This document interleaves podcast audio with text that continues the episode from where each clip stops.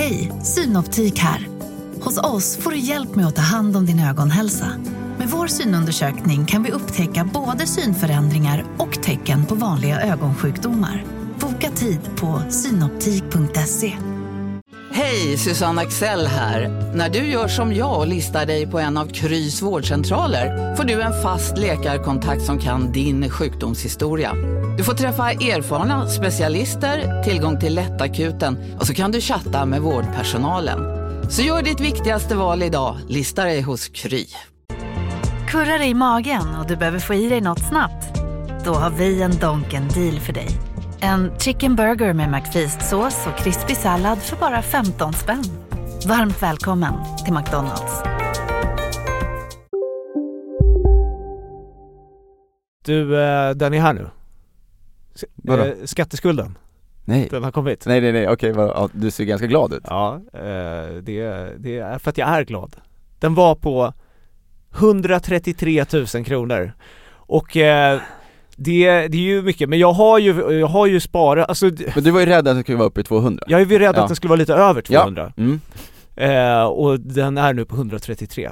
Uff. Eh, Jag har gått liksom ett halvår har jag gått nu och varit orolig över den här jävla skatteskulden. Men det ska väl också sägas att du hade ju kunnat ta reda på det här egentligen, eller hur? Nej, alltså, Eller- jag, alltså det var ju någon som skrev på din Ja, eh, Twitter, som skrev, när jag pratade om det här för några Ja, avsnitt sedan. Som menar på att säga, Rickard kunde bara kolla upp det, Eller... eller? Vad bara skrev? Lite, lite otrevlig? Nej, det var verkligen. Han skrev man skulle vilja få en inblick i Rickards hjärna som eh, liksom trots den här ångesten inte kollar upp hur mycket han har i skatteskuld. För det är ju ingen slumpgenerator som bara skickar ut en Nej. random skatt. Men Och det var väl inte så att jag tog ditt parti direkt heller då? nej, Jag var mer, jag var mer såhär, ja du var i, i, i, ja precis, i Twitterflödet där Ja. så skrev jag, ja jag vet, han är dum i huvudet. Ja, typ så ska jag ja. Ja, nej men det funkar ju så, jag har ju enskild firma. Mm. Vilket är ju helt idiotiskt. Det ska ju bara bytas Till ett AB tänker till ett du? AB. Mm. Eh, och, eh, nej men då är det så när man har enskild, då rörs liksom allt, ens privatekonomi blandas med företagets ekonomi. Mhm. Mm. Eh, och då, ja men du vet, jag kanske har eh, det är något avdrag där som kanske inte går igenom och så är det något avdrag, ja Mm. men du vet det är jävla stök liksom. Mm. Så det är helt omöjligt att få en överblick. Jag har också mejlat min revisor och frågat och de sa så här: vi vet inte. Ja okej, ja då var det inte så enkelt då Nej, Nej. man var lite så kaxig när man får ett sånt svar från revisorn. Det, det är omöjligt för oss att veta.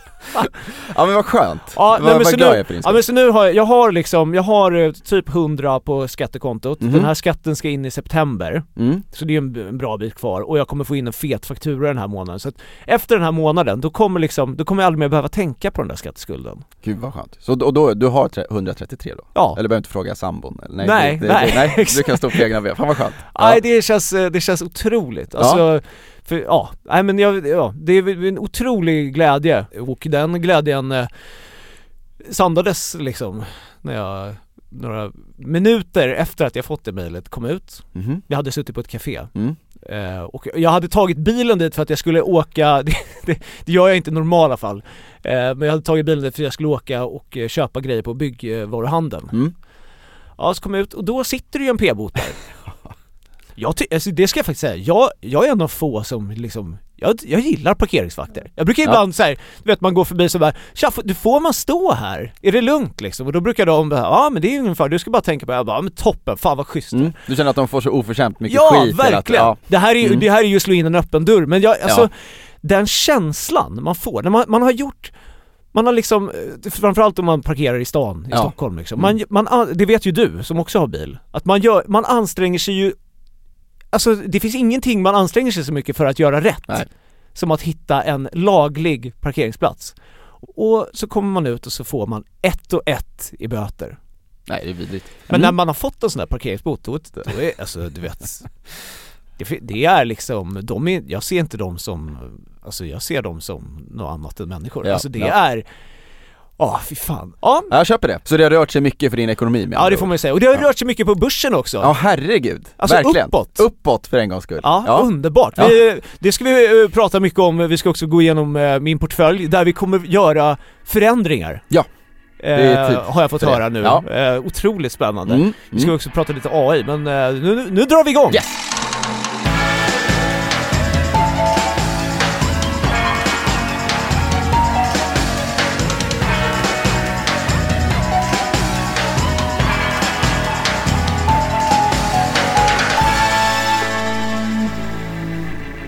Ja, börsen Kalle.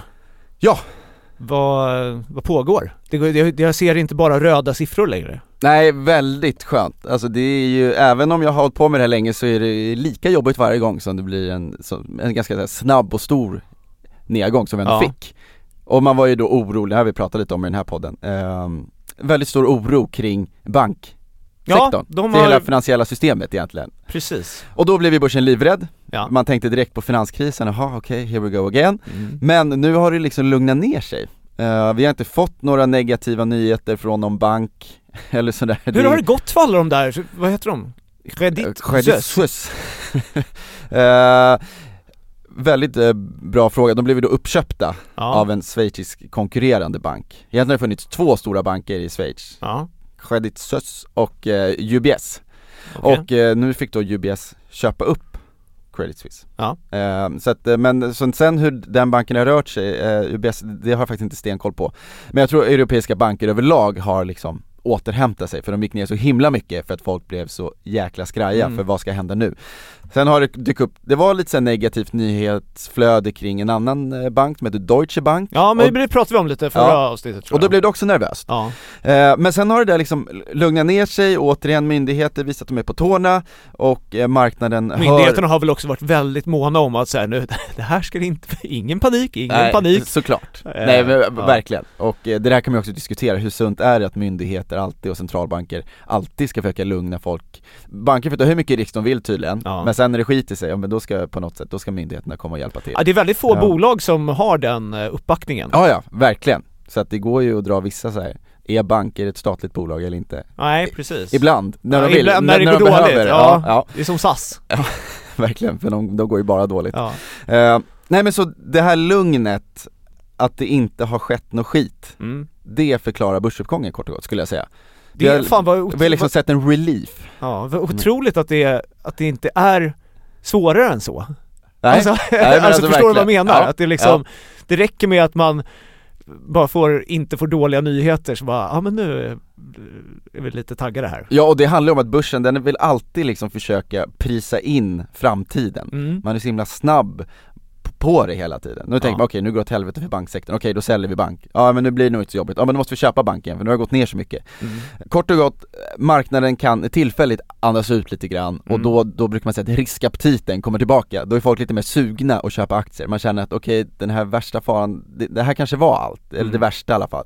Och då blir man lite mer positiv och då vill man köpa aktier igen. Och då har vi sett börsen gått upp 5% nu på, på en vecka. Ja, det är- och det är ju mycket. Mm. Det är mycket. Och eh, ja, och, och, och din portfölj, vi kommer ju in på innehaven sen, men Ja. den har ju studsat upp också väldigt bra. Det har jag nåtts av. Eh, ja, och det tycker jag är väldigt skönt med tanke på att vi har varit ganska försiktiga i den, eller vi har Ja. ägt ganska många bolag som är mer defensiva, Mm. alltså som inte påverkar så mycket av det som händer i omvärlden. Ja. Och då hade man ju kunnat tänka, för det tror jag sa också, att om börsen går upp mycket, då brukar de inte riktigt följa med. Varför de då kallas för stabila och tråkiga aktier, för att de är lite mer Ja, de, de rör sig inte lika mycket Nej, så. Det är ju lite åt det hållet jag skulle vilja gå med min privatekonomi Ja, dock. Ja, det, det, det Hellre lite tråkig ekonomi och att den går bra än att den är som en, eh, ja inte vet jag, studsboll. Nej du får börja räkna på skatten och inte parkera fel. Nej, exakt. ja. Ja. Så det skulle jag ju säga är huvudanledningen i alla fall till att börsen har stigit. Mm. Det är baserat på en lättnad för att det kanske inte blir så mycket värre vad gäller banksystemet. Nej, skönt. Ja. Du, men eh, eh, en annan grej, hur går det för räntorna? Jag såg på Ekonomibyrån igår. Just det, ditt nya favoritprogram. Ja. Jag känner att jag måste väl ändå på något sätt orientera mig Ja. Från husdrömmar till ekonomibyrån. Ja exakt. Ja. Eh, han blev grillad ordentligt av eh, Vem? Eh, Thedéen, ja, Ja. ja Mm. det var han som var gäst. Riksbankschefen. Riksbankschefen. Mm. Av Anders Holmberg. Han har ju lite, det är ju lite sådär med räntorna hur mycket han kan trycka upp dem. Ja. Hur går det för, hur går det för, hur går det, kan du, kan du liksom summera hur det går för Thedéen hittills? Ja, han blir grillad just nu. Så är det verkligen. Eh, och han, Hur tror du han mår? jag tror för att han är van med eh, pressen. Ja. Eh, och folk har ju snarare varit såhär, den här killen han backar inte för att göra obekväma saker liksom. Och han, han kommer köra på, han struntar i vad Han sa igår, han sa igår säger. att han var lite sugen på, eller det är ju inte hans beslut, men han, han, han eh, liksom eh, talade väldigt gott om fastighetsskatten. Mhm. Att, de, att han tyckte att det, det, han sa inte att han tyckte att den skulle införas, men han sa att det, det, är, en, det är en bra skatt. Ja okej, mm. För att det på något sätt, ja där zonade jag ut lite Ja. Men på något sätt eh, hämmar eh, inflationen då vis. ja. ja men han har ju varit en tydlig skeptiker till det vi har sett i, i hela världen och i Sverige med så himla låga räntor under lång tid. Mm. Där man hela tiden har sagt då, den förre centralbankschefen Stefan Ingves Ja, sa ju hela tiden, vi måste få upp inflationen. Vi måste få upp den, vi gör vad som helst för att få upp den här inflationen. Och så kom det värsta ketchup-effekten istället. Och så har man blåst upp tillgångsbubblor, alltså exempelvis då och då bost- tackar också Ingves för sig. Ja, för sig. exakt, ja. ja. Jag backar långsamt ut här nu. Ja, och, då- och då kommer då Erik Thedéen in som har varit ganska skeptisk till det här och tycker Mm. att det, det här har inte varit rätt. Nej. Så har ju han argumenterat för, och det har ju många andra också gjort, inklusive mig själv. Det har ju varit galet, Mm. det som har pågått under flera år och nu får vi betala priset för det. Eh, men han har ju precis som alla andra mjuknat lite nu på slutet. Ja. Och det är ju för att man märker att, okej, vi har gått från minusräntor, vilket ju vi också hade i Sverige, ja. Till liksom nu uppe på 3%, kanske ska till 4 I USA Ja, är styrräntan ändå, på 5% var, var det ändå bland våra vänner och så här, och, och oss själva liksom, eh, vad det ändå märks Ja. för ens privatekonomi nu Ja med ja, räntorna. alltså verkligen. Herregud alltså! Ja. Och det är så löjligt när man, eh, alltså när man liksom pratade om räntor förut och man tänker sig, "Åh, det- ja, den kanske kommer upp på 3% Ja. liksom. Ja. Och look at us now. Ja, jag vet. Nej alltså så, så är det så är det verkligen. Men, så, men han i alla fall, han har ju blivit väldigt hårt kritiserad nu för att han har haft så hård ton och han är liksom, hans uppmaning till hushållen är det här kommer bli tufft hörni. Ja. Eh, men i takt med att man då ser att eh, liksom, eh, finansiella systemet ändå knakar lite i fogarna och det har höjts många röster som är såhär, vi behöver inte vara så aggressiva. Nej. Ta det lite lugnt nu och se var, var det här landar någonstans, behöver inte dra på räntan ännu mer. Nej. Det finns ingen anledning. Och vi i Sverige är extra räntekänsliga. För att vi för har att vi så hög belånings... Dels för att vi har så hög belåningsgrad och att vi har så mycket rörliga lån. Ja, just det. Just och det. många har ju bundit Det är väl, det har väl, det är ju också, det är ett, vi som är födda år 90 Vi är ju verkligen uppvuxna med rådet ha rörlig ränta. Ja, alltså det, jag har, alltså allt annat har ju varit, man har ju blivit klassad som en idiot om man eh, Ja. har bundit eh, lån. Ja, Liksom. alltså verkligen och det där blir lite kulturskillnader. I USA, som också haft låga räntor länge, där, kan de, där har ju många som har bundit sina lån. Mm. Alltså en väldigt stor andel av alla hushållslån är bundna och vissa kan vara upp till 30 år. Ja jävlar, det, det, kan man, det kan man inte göra i Sverige. Nej, nej 10 tror jag är max. Ja. Ja, tror jag. Standard är väl tre och sen så fem, Fem om man är galen då. Ja men exakt, Eh, inom liksom. citattecken, ja. Ja. Eh, Men det gör ju att vi i Sverige blir väldigt räntekänsliga då. Ja. Så vi märker ju av den här höjningen från då i princip 1% kanske var på bolån, nu Mm. är det 4 efter rabatt.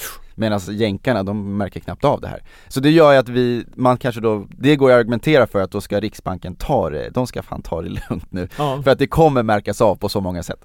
ja precis. Och det är väl det som folk har ropat högt om, Ja, men och- ta det lugnt. Och också att, eh, som han sa igår till den, Ja. att, eh, eller som han eh, erkände liksom att så här, de här räntehöjningarna har ju inte haft någon effekt på Nej. inflationen. Nej. Så då, då är det bara för, hur mycket ska man höja då? Nej, Alltså, det, är det det, och är- det är det folk är rädda för, det är Ja. det börsen är rädda för också. Det är det alla är rädda för.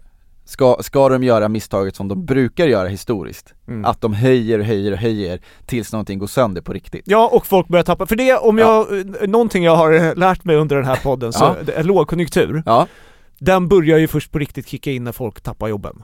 ja och det har ju då föranletts av exempelvis då högre räntor, vi Ja. kan inte konsumera mer utan mindre, Mm. efterfrågan faller, ja vad gör bolagen då? Då De måste kickar de, folk. Ja. Samtidigt som folket då sitter med skyhöga ja boendekostnader. exakt, och får sen- sparken, det är inte så att du konsumerar mer då precis Nej. Nej. Det finns ju en sån här eh, domedagsklocka som är så här, hur, beroende på hur världsläget är så är den så här tre minuter i tolv eh, Mhm. och när klockan då slår tolv så det, Då. då är det helvetet. Mm. Hur nära, vad, vad skulle du säga att klockan står eh, eh, för en lågkonjunktur? Kvart i tolv då? Kvart i tolv? Ja, det är svårt, det är svårt med skalan. Jag, vet, inte. vet inte hur klockan var ska- halv elva, nej Nej men vi är inte Ja, där än, men det, det, är klart att man har blivit betydligt mer orolig för det nu på slutet Ja. Eller lågkonjunktur kommer det bli, frågan är hur tufft den kommer bli ja. det, är väl, det, är väl där, det, är väl där, eh, det är väl där vi står just nu Så att nej, det är alltså det, det är svårt, men nu börjar marknaden hoppas på räntesänkningar snart ja. eh, Vi får se, det är alltid svårt att hålla på och spekulera där, men eh, Erik Thedéen har en tuff uppgift, ja Styrkekramar till honom. Ja, Eller, ja, nej. ja, Nej. jag tror han klarar sig utan Ja, klar. Bra. Ja.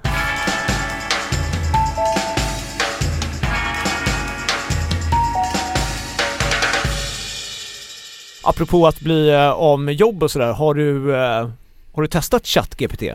Nej du, eh, du, du messade mig och sa Kalle varför sitter du inte bara med ChatGPT istället för att hålla på och fundera själv och skriva och grejer? Ja men det är ju Eh, den här AI-tjänsten som alla pratar om Ja. nu.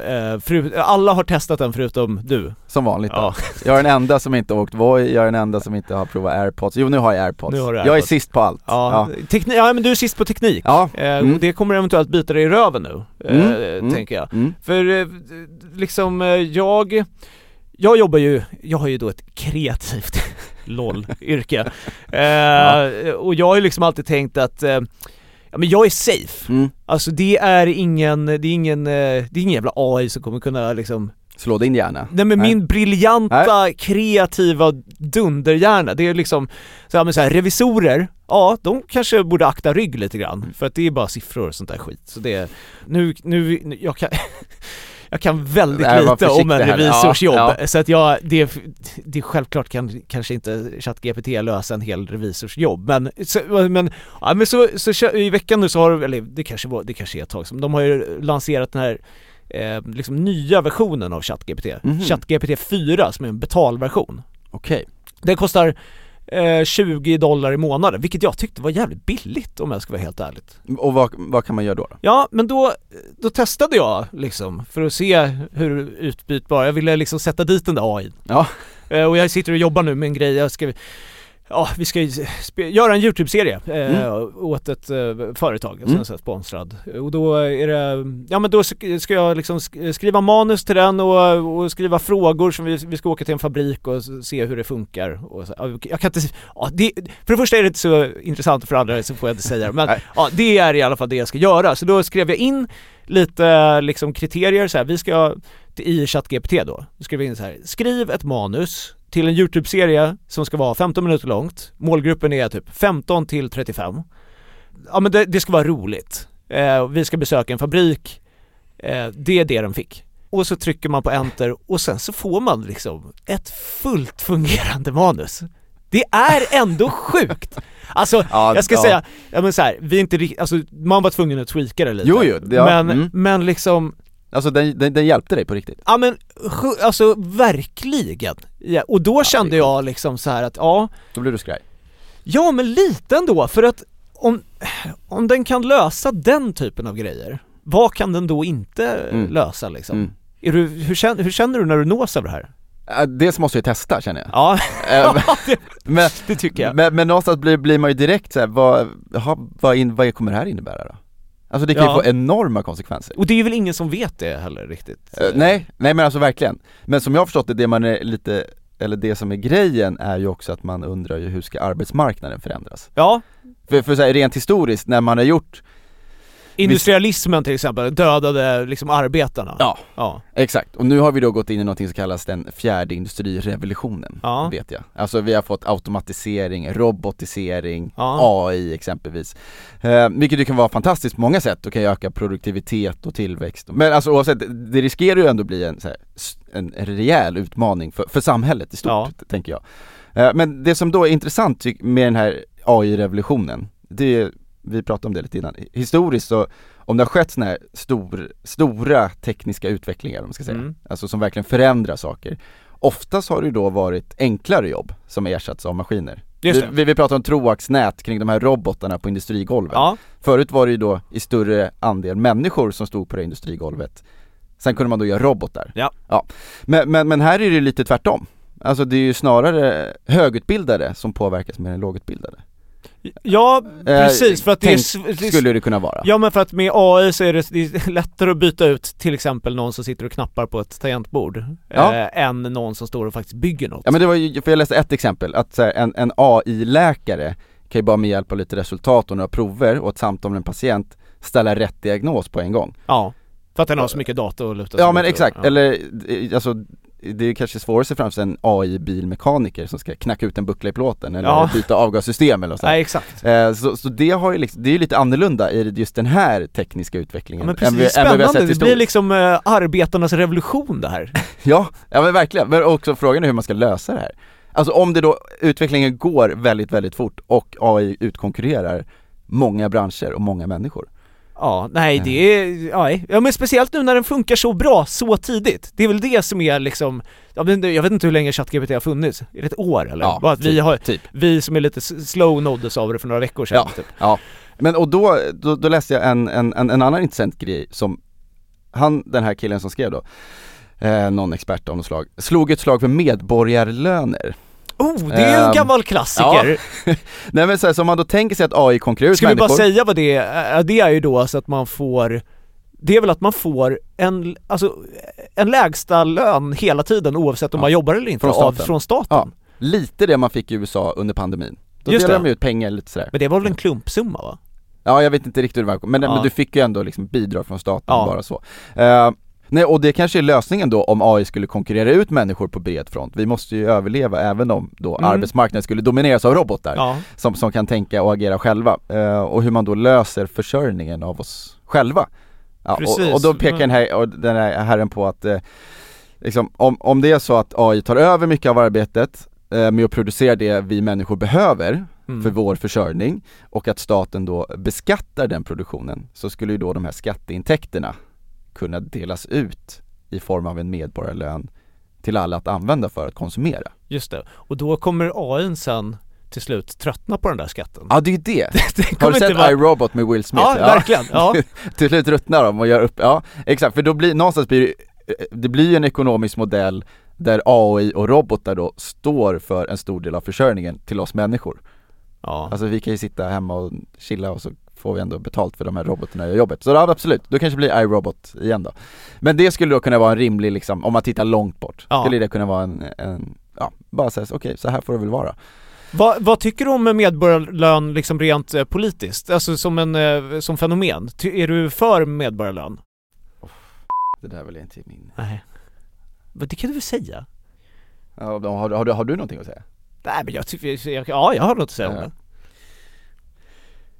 Eh, ja, jag vet inte, vad, vad tycker du? Nej men vad fan.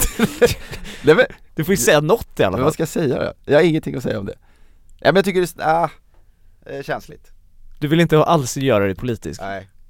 Nej, det, nej, det blir jag svettig. Nej, det får du svara på själv. Jaha. Det är svårt att utkräva en politisk färg av dig. Ja. Nej men jag, jag, alltså det var väl en sån fråga man, eh, alltså när man var, eh, när man gick på gymnasiet och var kanske, eh, vad ska man säga, eh, red without a cause, Ja, så att Ja. säga. Då slogs man ju för att medborgarlönen var toppen utan att riktigt veta eh, the ins and outs of eh, vad det egentligen innebär. mm, Men mm. alltså så, så här, och- om man, om man får det att funka så är väl medborgarlön toppen, tycker jag. Ja. jag som ni hör ja. så har jag fortfarande inte riktigt fått grepp om vad medborgarlön riktigt gör, så jag vet inte så mycket. Men eh, som, om det funkar så är jag all for it. Ja, okej. Ja. Ja men en annan grej man kan använda liksom eh, AI till, det är ju att skriva, alltså det är jag gillar tanken på, eller jag ogillar också tanken lite grann på att man kan ju eh, lämna över sitt eh, liksom, eh, sitt känsloliv till AI. Alltså jag kan ju, om man har Tinder till exempel, Mhm, då mm. kan man ju liksom få den att skriva liksom jättebra meddelanden. Men, te- men eh, d- mar, den mardrömmarnas mardröm, det måste ju vara att liksom göra slut med någon över AI. Hej AI, skriv till eh, Kalle att jag eh, tycker om honom jättemycket men det här funkar inte längre. Undrar hur många som har skrivit det redan. Ja, alltså det, är måste ju, vi borde ju ta, ska, ska jag skriva det? Ja, vi har, gör det. att vi har, Gör eh, det. Ja. nu, jag kommer göra Gör slut, slut med mig. jag gör ja. slut med det här. Mm. Jag och min vän Kalle, som jag känt i 15 år Nej, det Och i mer, grund och botten 17 år. älskar. och i grund och botten älskar. Det funkar inte längre. Eh, Jag känner mig kvävd. vi har också en podcast tillsammans. Skriv till honom på ett snällt sätt Att dra åt helvete. att jag inte vill ha något mer med honom att göra. Mm. Det får inte vara för långt där. Håll dig hyfsat kort. Ska vi se vad han säger. Kära Kalle, vi har känt varandra i 17 år och under den tiden har vi delat så många fantastiska minnen. Du har funnits där för mig genom livets svåraste stunder och jag är tacksam för det. Tillsammans har vi även skapat vår podcast, som har varit en källa till glädje och stolthet för oss båda. Men ibland förändras saker, och även de starkaste banden kan brista. Det är med tungt hjärta jag skriver detta brev till dig, för jag har fått veta något som har fått mig att se dig i ett nytt ljus. Jag förstår att vi alla gör misstag. Men att du har legat med min tjej på det sättet är något jag inte kan förlåta. Trots allt vi har gått igenom tillsammans, inklusive vår gemensamma podcast, kan jag inte fortsätta att ha dig i mitt liv längre. Jag vet att det kanske kommer som en chock för dig, men jag tror att det är bäst för oss båda att gå skilda vägar. Jag önskar att du kan hitta styrka och visdom i dig själv för att reflektera över dina handlingar och vad du ställt till med. Det är med kärlek och respekt som jag säger adjö. Varma hälsningar, Rickard. Det är dags för Kalles aktieskola. Ja. Vi sa ju att vi skulle prata om värderingar idag. Eh, det, det blev inte så, det blev courtage istället. Ja vi har fått två frågor nu från, Ja. från lyssnare som säger att eh, nu har jag börjat köpa mina aktier och då står det courtage Ja men Och precis. det kostar, jag köpte aktier för 200 kronor men jag har tydligen handlat för 230, vad var det här typ? Ja men exakt, så jag, Ja. det, vi, vi kör courtage eh, nu istället så tar vi värderingar nästa vecka då. Ja. Eh, och vi har ju också nu en, eh, en ny vignett som vi Du testar. bytte alltså ut Ja, den? vi, vi, vi, jävel. ja men det var också lite kul, vi testar oss Okej, fram. ja. Den är, det, det här är, vi får se om den här överlever. Det är från min favoritfilm, eh, kanske enda liksom börsfilmen som har gjorts i Sverige. Hajen som visste för mycket, som gjordes av Galenskaparna, Mhm. alltså eh, Macken-gänget. Ja, absolut inte Det är, en, det är Nej. bara en liten sekvens i den filmen där det är en kille som säger Vad var det som hände med börsen idag? Det, den, det, Okej, blir, okej, ja. det blir vignetten, här kommer den. Vad är det som händer på börsen? Ursäkta mig. Vi tänkte då prata om courtage, Ja. vad är det? Och- Det vet jag mycket lite om. Ja, eh, och då ska jag berätta för dig, Mm. eller annars frågar du chatt Ja, ChatGPT kan jag fråga Anders, men jag, vi hör det här jag sitta här? Ja, okej, fair enough eh, När du köper aktier så, så betalar du ju en liten avgift, Mm. så, så det ska man ändå ha med sig tycker jag Alltså alla, vilken aktie man än köper? Ja. Ja men vänta, betalar jag courtage? Eh, Just nu gör du faktiskt inte det. Ja, Men det är för att, eh, nej, eh, det är inte för att du är du, utan Nej. det, är, det, det är för att alla under, nu ska vi se här jag, jag är ganska säker på att både Avanza och Nordnet, Ja. kanske någon mer som har följt efter nu, men har du under ett visst sparat belopp, Ja. då slipper du betala den här avgiften när du gör affärer. ja, jag fattar. Och jag tror att jag är under de flesta sådana gränser Ja, ja, men jag tror att den ligger på 50 000 kronor. Ja okej, så Eh, snart så eh, eventuellt Ja, något år så det är väl ett sätt för dem att locka in kunder så. Just det. så men i takt med att ditt sparande förhoppningsvis då växer, till slut får du betala en avgift.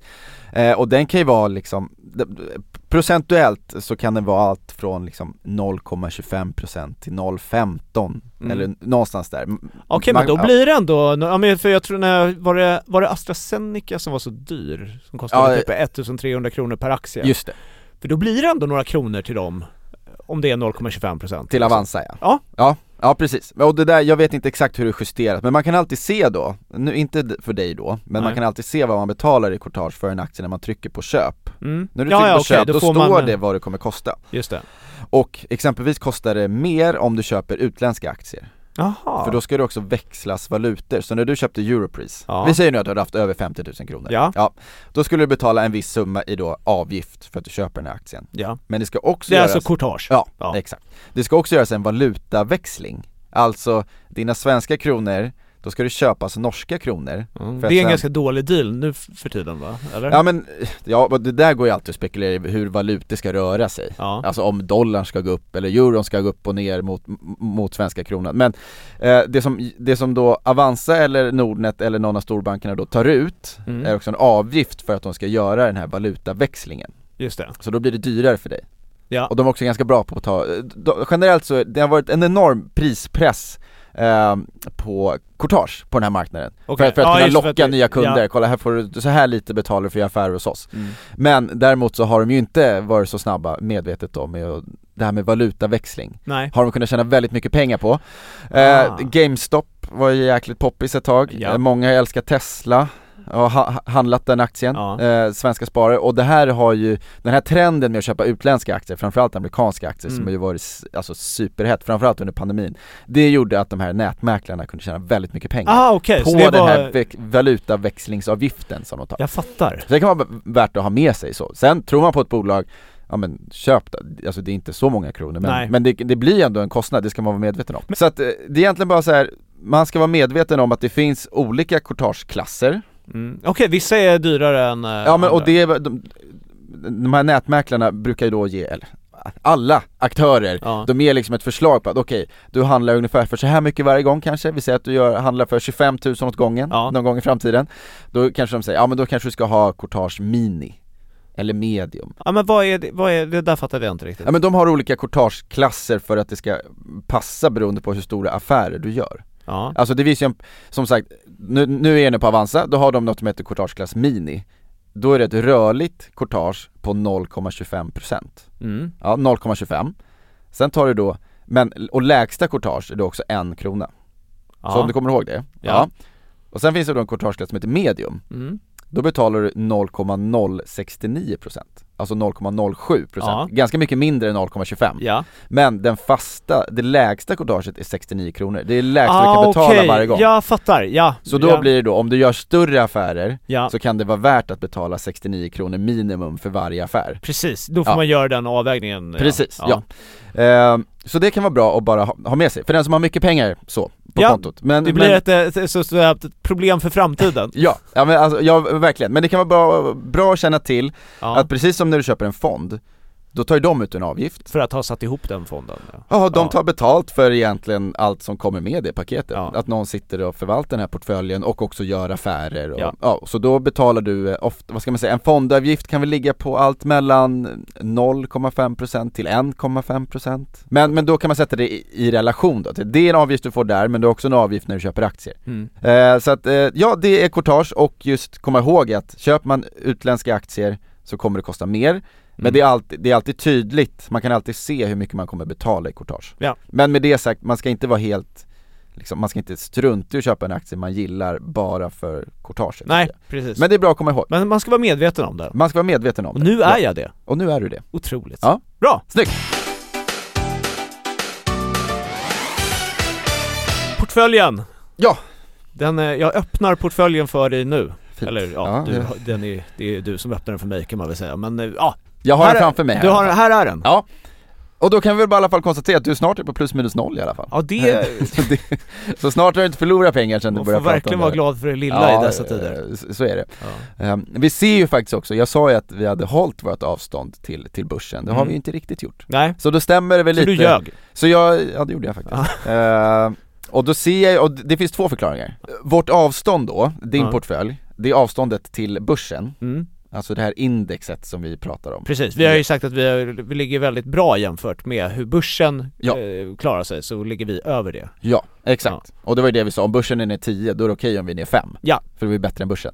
Ehm, och då var vi 4% bättre än börsen för en vecka sedan. Mm. Ehm, och då, då tjänade vi på att vi satt på de här tråkiga aktierna. Ja. Tele2, Europris, AstraZeneca framförallt. Mm. Tråkiga aktier, Ångloken. stabila, ja det kan man kalla dem. Ja. Ehm, och dessutom så stoppade du in 1000 kronor ja. I kassan. i kassa. Mm. Så det gör ju också att den räknar då på någonting som egentligen står helt still i värde. Ja. Just nu har du alltså 1778 kronor i kassa. Ja. Så det är ju nästan alltså 20% som är någonting som har bara legat still. Mm. Så dels några defensiva aktier och dels då pengar som har legat still. Det är ju positivt om börsen går ner mycket. Ja. Det har ju då inte legat oss i fatet när börsen har gått upp mycket. Nej. Så därför har vi då ett försprång som har minskat. Så nu är din, nu är din portfölj ner 1% sen vi började Mm. och börsen är ner 3,2. Så, att, det, så, så- att nu leder vi framför börsen med drygt 2% då. Jävla börs. Ja, ja verkligen. ja men det, har- det har ju verkligen stått upp mycket, så, men det, det är väl, det är väl eh, skönt att allting har vänt upp igen. Men Verkligen, då, men då får man verkligen. också, kanske bra för dig att bara, jag var lite försiktig och då Mm. finns det en positiv grej med det men så här, på kort sikt så kan det ju bli jobbigt då. Mm. Om börsen går väldigt, väldigt starkt och man har varit lite försiktig då syns det. Ja. Sen ska vi inte stirra oss blinda på det här varje vecka utan någonstans ska vi skapa långsiktiga värden här. Ja. Eh, men ja, den där kassan den ska ju sättas i arbete tycker jag. Verkligen. Eh, och då tänkte jag väl ändå att eh, någonstans så tycker jag, nu har börsen gått så himla starkt. Mm. 5% på en vecka, det är väldigt mycket. Så eh, jag känner inte för att så här, ja men vi kanske ska sälja någon av de här försiktiga aktierna och köpa någonting lite mer längre ut på Det riskskalan. vill du inte göra. Nej det vill jag inte göra Nej. nu, för nu känner jag att vi har missat, nu har det gå- gått upp en vecka sedan vi satt här senast. Ja. Så känner det kanske är skönt att ha kvar dem. Eh, jag tänkte då i alla fall att vi börjar med att sälja en aktie nu. Oh jävlar! Ja. Det har jag funderat mycket. Ja, spännande. Eh, Vem är det som, vem, vem, vem, vad har du kikarsiktet inställt på? Vem kommer, Eh. vem kommer dö? Det blir faktiskt BRF. Du skämtar? Den har vi pratat väldigt mycket om ju. Ja vi har också pratat ganska mycket skit om det så det är väl inte helt... Ja, eh, skit och ja, ja. eh, den har gått svagt ja. Ja. ja. Men, men det visar sig ändå, den är ändå upp 10% för oss. Mm. Så att det har ju varit eh, bra så. Ja. Vi nu- säljer på plus alltså? Ja och nu ska vi då, eftersom vi har pratat, man ska inte sälja någonting bara för att man gör en snabb vinst. Nej precis, du får Eh, verkligen, du får passa ja, dig nu ja, här för vet. att du lever som du lär, Ja. annars blir det jättekonstigt. Ja, ja men och jag baserar väl det lite på att jag tycker ändå att börsen har gått väldigt starkt nu på kort tid, den aktien har gått väldigt starkt på kort tid. Ja. Eh, värderingen, ja, vi kommer in på det nästa avsnitt Ja. då, men, men den, den är väldigt hög. Den var ju för hög innan också, men Mm. nu känner jag att den var nere på 150 och så har den gått till 180 på vadå, två veckor. Det har gått väldigt snabbt. Ja. Aktien känns ändå, nu kommer vi in på jäkligt djupt vatten här. ja. Eh, men den känns som att den är lite trött här. Ja. Och det finns olika indikatorer, nej men det Ja. finns olika indikatorer man kan titta på då. ja. Och det här, det här är ingen absolut sanning, det, det ska gudarna Nej. veta. Men, men någonstans, de, om vi tänker att aktien har gått väldigt starkt, Mm. aktien är dyr, ja. hög värdering, så, så känner jag att det kanske finns bättre möjligheter någon annanstans. Du menar att den här kan inte växa så mycket mer? Ja men jo, men jag känner att så här, den här skulle jag gärna fiska upp igen på lite lägre nivåer. Ja, Okej, Men nu är, nu är vi ju ganska aktiva här. ja det får man ju säga. Eh, Så antingen så känner du så här, Kalle, lägg ner det där Lägg ner ditt jävla daytradande här nu. exakt. Ja. men alltså det får du verkligen göra, och så, vi har ju pengar, ja. och så köper vi bara en helt ny aktie Men för, men med BRF då, så ser man då, 180 kronor har den haft jättesvårt att ta sig över nu senaste Mm. tiden Senaste månaden så har de alltid vänt ner vid 180 Vet du, vet du vad jag känner? Jag känner så här att eh, vi te- jag tycker vi testar att sälja BRF nu. Okej, Och sen ja, så får vi se hur det går, för då har jag då har du en hållhake Nej men nej, inte hållhake, herregud. Men jag menar mer att eh, då kan vi testa att göra en sån manöver och Ja. se hur den Okej. pans out Ja. liksom. Det kan vara nyttigt för mig att vara med på en sån eh, resa liksom. mm. Ja men det kan vi göra, Ja. för jag tycker det var väldigt intressant, igår torsdag då var börsen upp 2,5% Ja. Allt som var lite högre risk och hög tillväxt, typ BRF Det mesta av det var upp 3, 4, 5% igår, typ Hexatronic som Mm.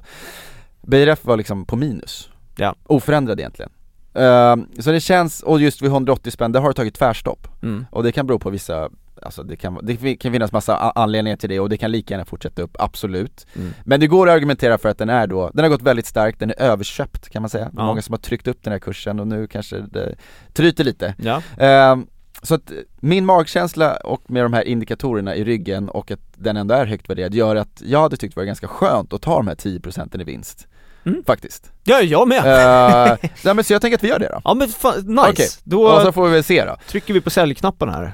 Eh, Ja, så har det där till vänster. Där har vi den ja. Och det är ju också argumentera för, den har ju blivit ganska stor nu, det är ju 1500 spänn av portföljen. De andra innehaven är 1000 kronor Eftersom vi då var med i den här emissionen. Just och det. stoppar in mer pengar. Vilket visar sig vara helt rätt. Men, ehm, ja då tycker du det, du kan trycka på välj alla på kontot, så sparar du lite tid. Nu går det inte snabbt här Ja, ja okej. Ja. och där står det sälj, ser du den röda Ja, knappen? den ser jag. Ja. Den trycker vi på snabbt som jävlar här. Så. Och så ser du där, kolla, ser du courtage? Noll Ja. Men det hade kunnat stått någonting där Yes. Mm. Bekräfta sälj. Ja. Otroligt. Shit. Lite sorgligt. Ja, faktiskt Det har varit med oss Den kan komma tillbaka Den kan komma tillbaka. Ja, ja, Det ja, är det som är fint. Okej, nu ska vi köpa då. Nu ska vi köpa. Ja. Och vad ska vi köpa då? Jo, eh, jag tänkte att vi skulle hoppa på någon liknande trend som, som BRF har ridit på ändå. Vilket är? Vilket är en, en trend där man, ska, man kan prata om en regulatorisk medvind. Det kan man, det kan man prata om, man kan kan också man välja att inte prata om den. Som jag ofta gör i mitt liv. Jag Jaha, väljer okej. att sällan du prata om regulatoriska Nej, nej, medvindar. Nej. Men låt oss höra vad det är Nej för något. vadå, svampmarknaden kan man prata om regulatoriska medvindar. Men jag vet inte vad det betyder. Vad betyder det? Nej. Att, så här, att politikerna jobbar för dig. Ja okej, ja jag fattar. Typ med vindkraft skulle man kunna säga Ja, till exakt. exempel. Ja, att de vill, en- om politiker vill se vindkraft, då krattar de lite för företag. Ja, exakt. Otrolig Eller det ska investeras pengar där, eller man inför då vissa lagar, som i BRF Ja, har man ju då infört en eh, lag eller bestämmelse att 2030 ska det inte finnas en jävla freonkylar i hela Europa just det. Och BRF är där för att lösa det problemet. Exakt, Ja, då är det en fattar. politisk eller regulatorisk medvind Vilken bra term! Eller den är, man skulle kunna branda om den för att den ska bli lite lättare, men Ja. vilket v- intressant fenomen. Ja, Nej, men, och sånt där kan man alltid försöka hitta, det kan alltid vara en liten edge, det kan Ja. vara en bra början i, i, i en analys Och du har hittat ett annat sånt som då har mycket lägre värdering, Ja. eh, som heter Fagerhult. Fagerhult? Ja. Min enda koppling till Fagerhult, det var att det eh, på 90-talet gick ett program på SVT som hette Grabbarna på Fagerhult. Där Leif GW Persson, Jan Guillou och någon, hette han Lorentzon eller något sånt där? Någon, en tredje gubbe. Mm, det är också deckarförfattare. Ja, jag kanske, jag kommer, Jag ja, jag, jag har dålig ja. koll på den tredje, Ja. men de, det är ett otroligt program. De tre gubbarna, för Ja. de, de kanske var 45 då, Ja. eller så 50. De liksom är där i en stuga i Fagerhult och jagar och äter kopiösa mängder mat. Jag kan säga så här att det är ungefär en 6 hekto hjortkalvfilé det. Det kommer att räcka gott även om de som är med på middagen är inte, inte direkt dåliga på att äta. Nåväl, eh, belysning sysslar man med. Belysning? Mm. Ja. LED LED. framförallt. Varför är det bra då? Jo, för att under exempelvis har det, i år 2023 så Mm. är det förbjudet att byta ut såna gamla traditionella lysrör. Jaha. Mm. Eller man får inte installera nya sådana, förlåt. Alltså det säljs inte? Man får inte installera det i offentliga byggnader. Nej, offentliga, okej jag fattar. Men för att de privat- innehåller typ kvicksilver, bly och lite andra skadliga ämnen. Ah, jag fattar. Och en annan stor grej, vi har haft en energikris, Ja. skenande energikostnader, Ja. många. Eh, vad vill företag göra? Vad vill, alltså, man vill få ner sina energikostnader, Mm. man vill energieffektivisera. Precis, och Ja. där är ju LED. Och det där vet är ju till och med jag. otroligt bra. Ja. Det är 90% lägre energiförbrukning Just det. än en vanlig glödlampa. Ja. Ja, och eh, Fagerhult har då en stark marknadsposition och eh, de säljer då helt enkelt LED. Men det är Eh. asbra. Så det är lite spännande, men om vi då, så här, de gick sjukt bra på börsen 2015, 2016, 2017 fram där. Ja. Det var en otrolig resa, de hade en marginal som gick från 6% till 13% på några år, gjorde många förvärv, Mm. det vi pratade om, de växte väldigt kraftigt Ja. och de fick en hög värdering på börsen. Marknaden var beredd att betala upp mycket för att äga den här aktien. Ja. eh, värdering som sagt nästa avsnitt. Eh, sen gjorde de ett jättestort förvärv i Italien. Mhm. Det föll inte väl ut. Ah, och då var de ner igen. Ja, den har gått ner, alltså från, vad var det, 150 spänn till som lägst 30 nu i oktober. Oj jävlar. Eh, och, men det här förvärvet då, det var Italien, det var produktion i Italien, det var Italien som var ehm, hemmamarknad, mycket av försäljningen var i Italien. Ja. Sen kom en riktigt jobbig pandemi. Ja. Som var jätte, jättejobbig. Eh, och lite andra förklaringar, men det var huvudanledningen. Och det förvärvet var dyrt och det var dålig timing och aktien har verkligen fått betala för det här. Mm. De drog på sig mycket skuldsättning och det har varit lite jobbigt och så ja, pandemin överlag har varit jobbig. Det har varit svårt att få tag i delar, det var ju dyrt att få tag i olika komponenter för Halvledare. Ja exakt, det Mm. var där igen. De har haft en, de har haft en tuff tid. Ja. Men nu så vädrar man morgonluft helt enkelt. Otroligt. Eh, ja men så jag tror verkligen det, att man, så här, man skulle kunna komma tillbaka till de här gamla marginalerna, eh, man skulle kunna börja göra förvärv igen, för att skuldsättningen i bolaget har kommit ner. Mm. Så nu kan man köpa lite bolag igen. Um, och man har de här strukturella trenderna i ryggen vilket jag tror är skönt. Om vi då ska gå in i lågkonjunktur, ekonomin växer inte så mycket, då kan det vara skönt att det finns andra vindar som blåser i ens riktning. Så, Mm. liksom. Eh, så jag tror att de har goda förutsättningar att fortsätta växa bra nu, som de har visat de senaste typ två kvartalen. Tyvärr har aktien gått från 35 till se- 60 kronor. Ja, så vi är lite sena. Vi kan, vi kan verkligen säga att vi är sena på bollen. Ja. Så att det är så här, det är en tuff avvägning så, eller den är störig. Mm. Jag tittade på den här då, men jag var livrädd för att köpa allting i oktober såklart. när, när allting var ner så mycket, Ja. så då var man inte så kaxig. Då köpte man hellre de här stora, stabila.